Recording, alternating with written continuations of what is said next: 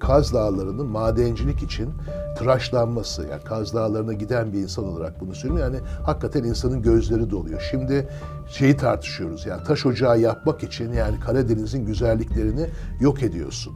Yahut da yani inşaatlama için e, yine bizim e, yöreden örnek bir örnek vereyim. Kaz Dağları yöresinde ekoturizm adında hidrolik santralları yaparsan dereler e, denize ulaşamıyor. Kesiyorsun o yolu. Neyin yolunu kesiyorsun? Aslında parti hamsilerin yiyecek yol, planktonların yiyecek yolunu kesiyorsun. Yani hamsilerin yiyecek yolunu e, kesiyorsun. Bu kadarla da kalmıyor. O ağaçları oradan kesmeye başladığın zaman da bu sefer radikal bir değişiklik var ve iklim e, artık e, sivil toplumdan çıkıp merkeze oturan e, bir e, yönetim, e, bir yaşam konusu haline geldi. Ülke olarak ve şirket olarak buna adapte olamıyorsan ürünlerinde bu sürece o zaman Avrupa Birliği'ne ihracat yapmakta kısıtlılıklarla karşılaşacaksın. Karşına engeller çıkacak ve giderek yapamaz hale geleceksin.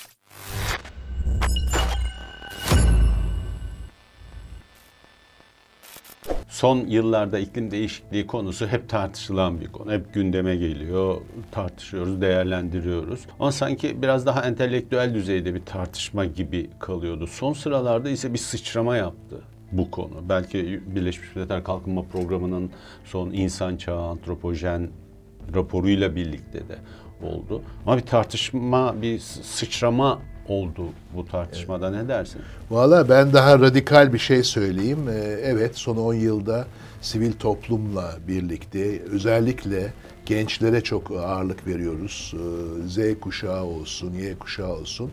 E, onların e, iklim ve doğaya olan e, ilgileri, değer olarak ilgileri, onunla ilgili çalışmalarıyla bir hani önemli bir konu oldu. Fakat şu anda şunu söyleyebilirim ben. Bundan sonraki 10 yılın hem ekonomi olarak hem ülke siyasetleri olarak hem dünya siyasetleri olarak hem küreselleşmenin geleceği olarak radikal anlamda iklimin merkeze geldiği yani iklim dediğimiz zaman da küresel ısınma ve ona dönük olarak bütün herkesin kendisini değiştirmesi, ülkelerin, dünya siyasetinin, kişilerin bu anlamda radikal bir değişiklik var ve iklim e, artık e, sivil toplumdan çıkıp merkeze oturan e, bir yönetim, bir yaşam konusu haline geldi.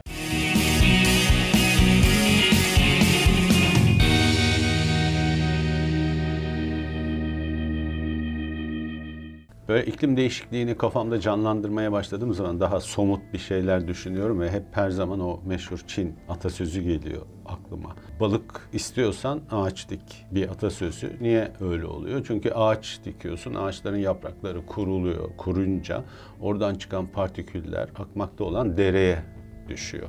Dere denize aktığı noktada planktonlarla buluşuyor ve planktonlar o partikülleri yiyerek besleniyor.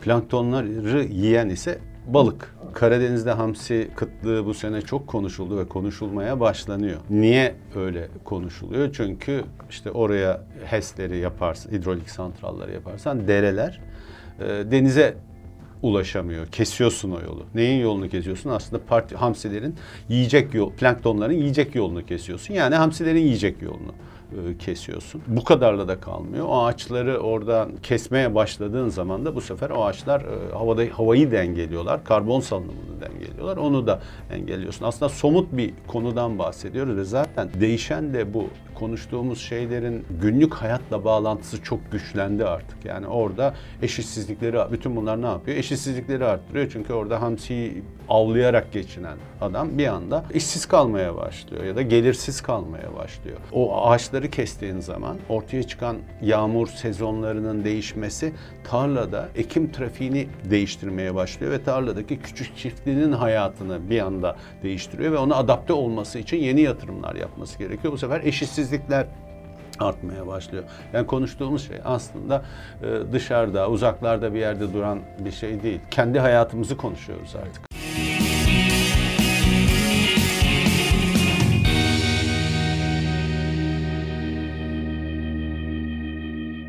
Ve e, burada mesela bir hamle yapayım. Hamsi ve derenin denize e, ulaşmasından Dünya siyasetinde mesela biliyorsun son haftalarda e, Amerikan Cumhurbaşkanı olan Biden'ın bir iklim zirvesi oldu. 40 küsür e, ülke e, lideri oraya çağrıldı. Aynı şekilde Avrupa Birliği'nde 750 milyar euroluk bir yeşil mutabakat dediğimiz Avrupa Birliği'ni iklime uygun hale getirme çabaları var.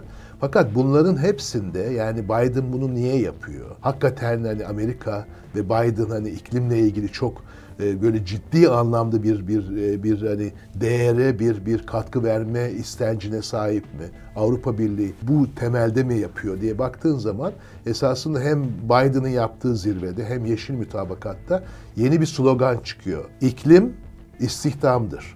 İklim yani iklim iş bulmadır. E, genç işsizliğin yüzde kırka vardı. Hem Türkiye'lerde hem Avrupa'da hem Amerika'da. Esasında radikal dediğimiz şeyin bir de çok önemli bir ekonomik boyutu var. İklime yatırım yaparaktan yeni iş imkanları yaratmak. Yani işsizlik sorununu çözebilir miyiz diyorlar. Bu da bence esasında yani o e, senin söylemiş olduğun Çin atasözüyle başlayan yani ağacı kesersen e, hamsiden başlayarak balıkçının iş kaybetmesi, çiftçinin iş kaybetmesi yani eşitsizliklerin çıkması bağlamında da eşitsizlik sorununu çözen bir iklim iklimle birlikte olan, iklimle e, önem veren bir dünyaya doğru gidiyoruz. O yüzden de ben bu is, iklim istihdam ilişkisi, iklim iş bula, iş alanları yaratma ilişkisini çok önemli bir nokta olacağını düşünüyorum. Zaten e, bu Biden'ın zirvesinde de şöyle bir şey söylendi. 2030-35'lere kadar e, bu çabalarla birlikte ki 2 trilyon dolara yakın para yatırılıyor. Sadece dünya korunmuyor ama aynı zamanda 15 milyona yakın yeni bir iş alanı yaratılacağı söyleniyor. O yüzden iklim istihdam artık e, bence bundan sonraki dünyanın iki tane önemli ilişkisel şeyi olacaktır, denklemi olacak.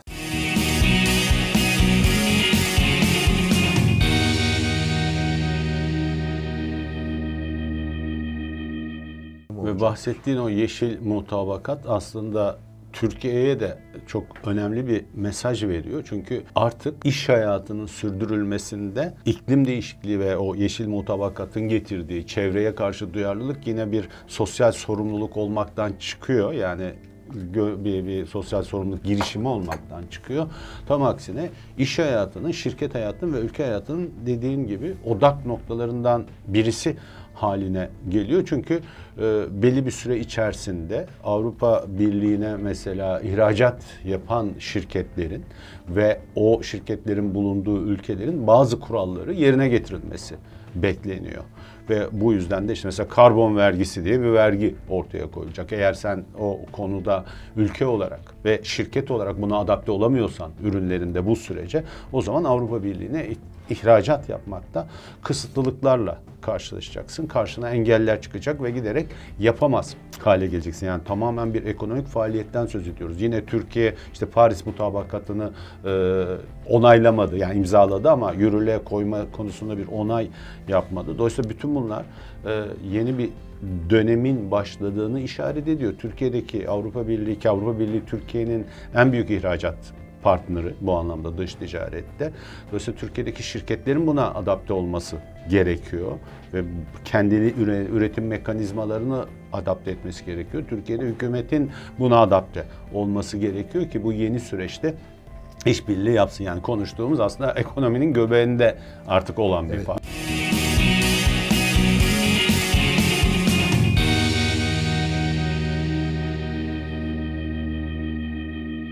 Ve, ve tam da söylediğin gibi bundan sonra yaptırımlar olacak bir, e, vergilenmeler olacak bir.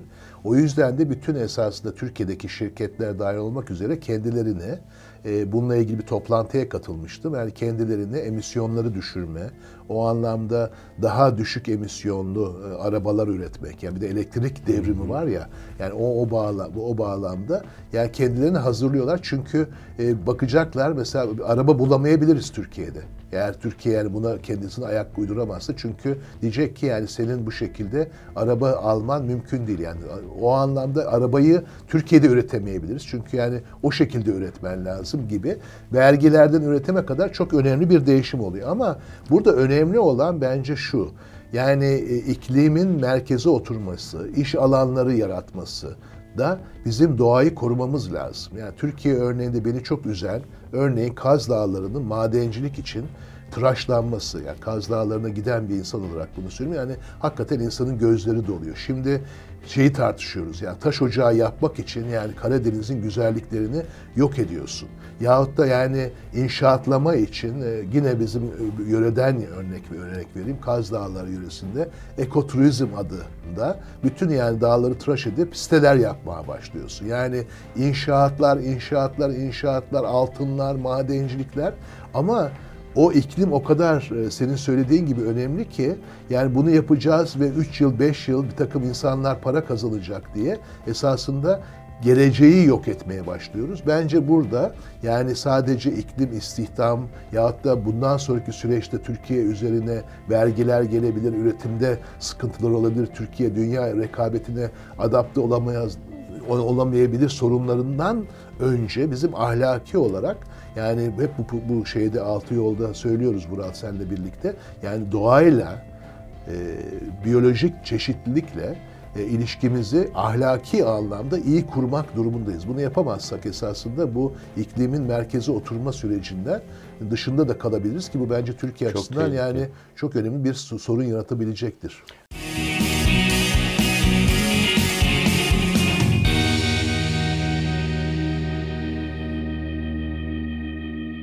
İnşaat kültüründen bir kurtulmamız lazım. Hep hakikaten çok ciddi bir, yani güzel bir şey. Yani inşaatta çok kapasitemiz arttı. Bir sürü inşaat yapıyoruz ama inşaat bir kültür haline geldi. Öyle şey diyorum ben hep ben ara sıra futbol konuşuyoruz.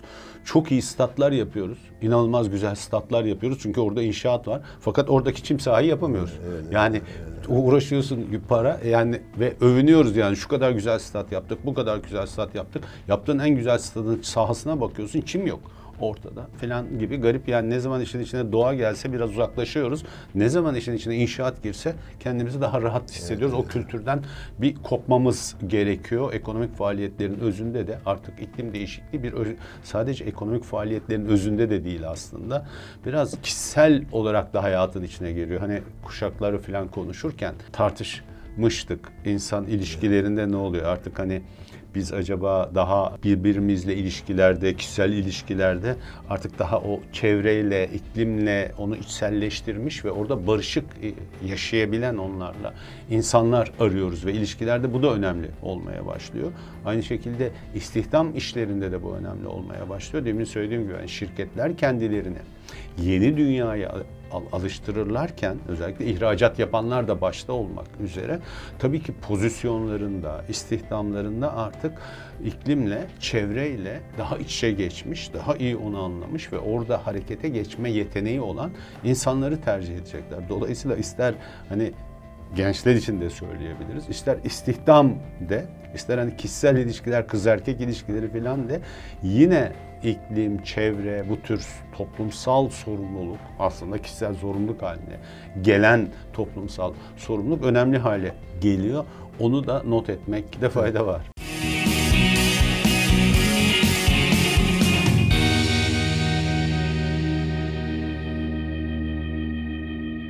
Bence de yani şöyle de bitirebiliriz. Esasında e, bu Amerika'daki Biden'ın iklim zirvesinde ya da Avrupa Birliği'nin yeşil mütabakatında Türkiye'de bu inşaatlaşma ile ilgili gözden kaçırdığımız bir nokta var.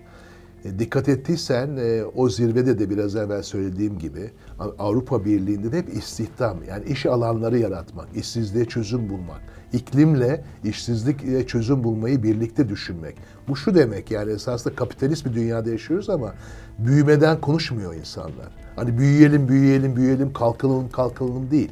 İşsizlik sorununa çözüm bulmamız lazım ve onunla ilgili yeni iş alanları yaratmamız lazım. Onun da göbeğinde iklimle birlikte olmak var. O yüzden de bence yani bu inşaatlaşmada artık Türkiye'deki bu kalkınma büyümeden işsizliğe çözüm bulmak ki orada genç işsizlik çok önemli oluyor ve iklimin bu anlamdaki önemini de e, bundan sonraki dönemin en önemli esasında merkezi tartışması olarak göreceğimizi de yani büyümeden işsizliğe doğru bir işsizliğe çözüm bulmaya doğru bir kayış olduğunda vurgulayalım ve bu iklim burada merkezi konumda olacak.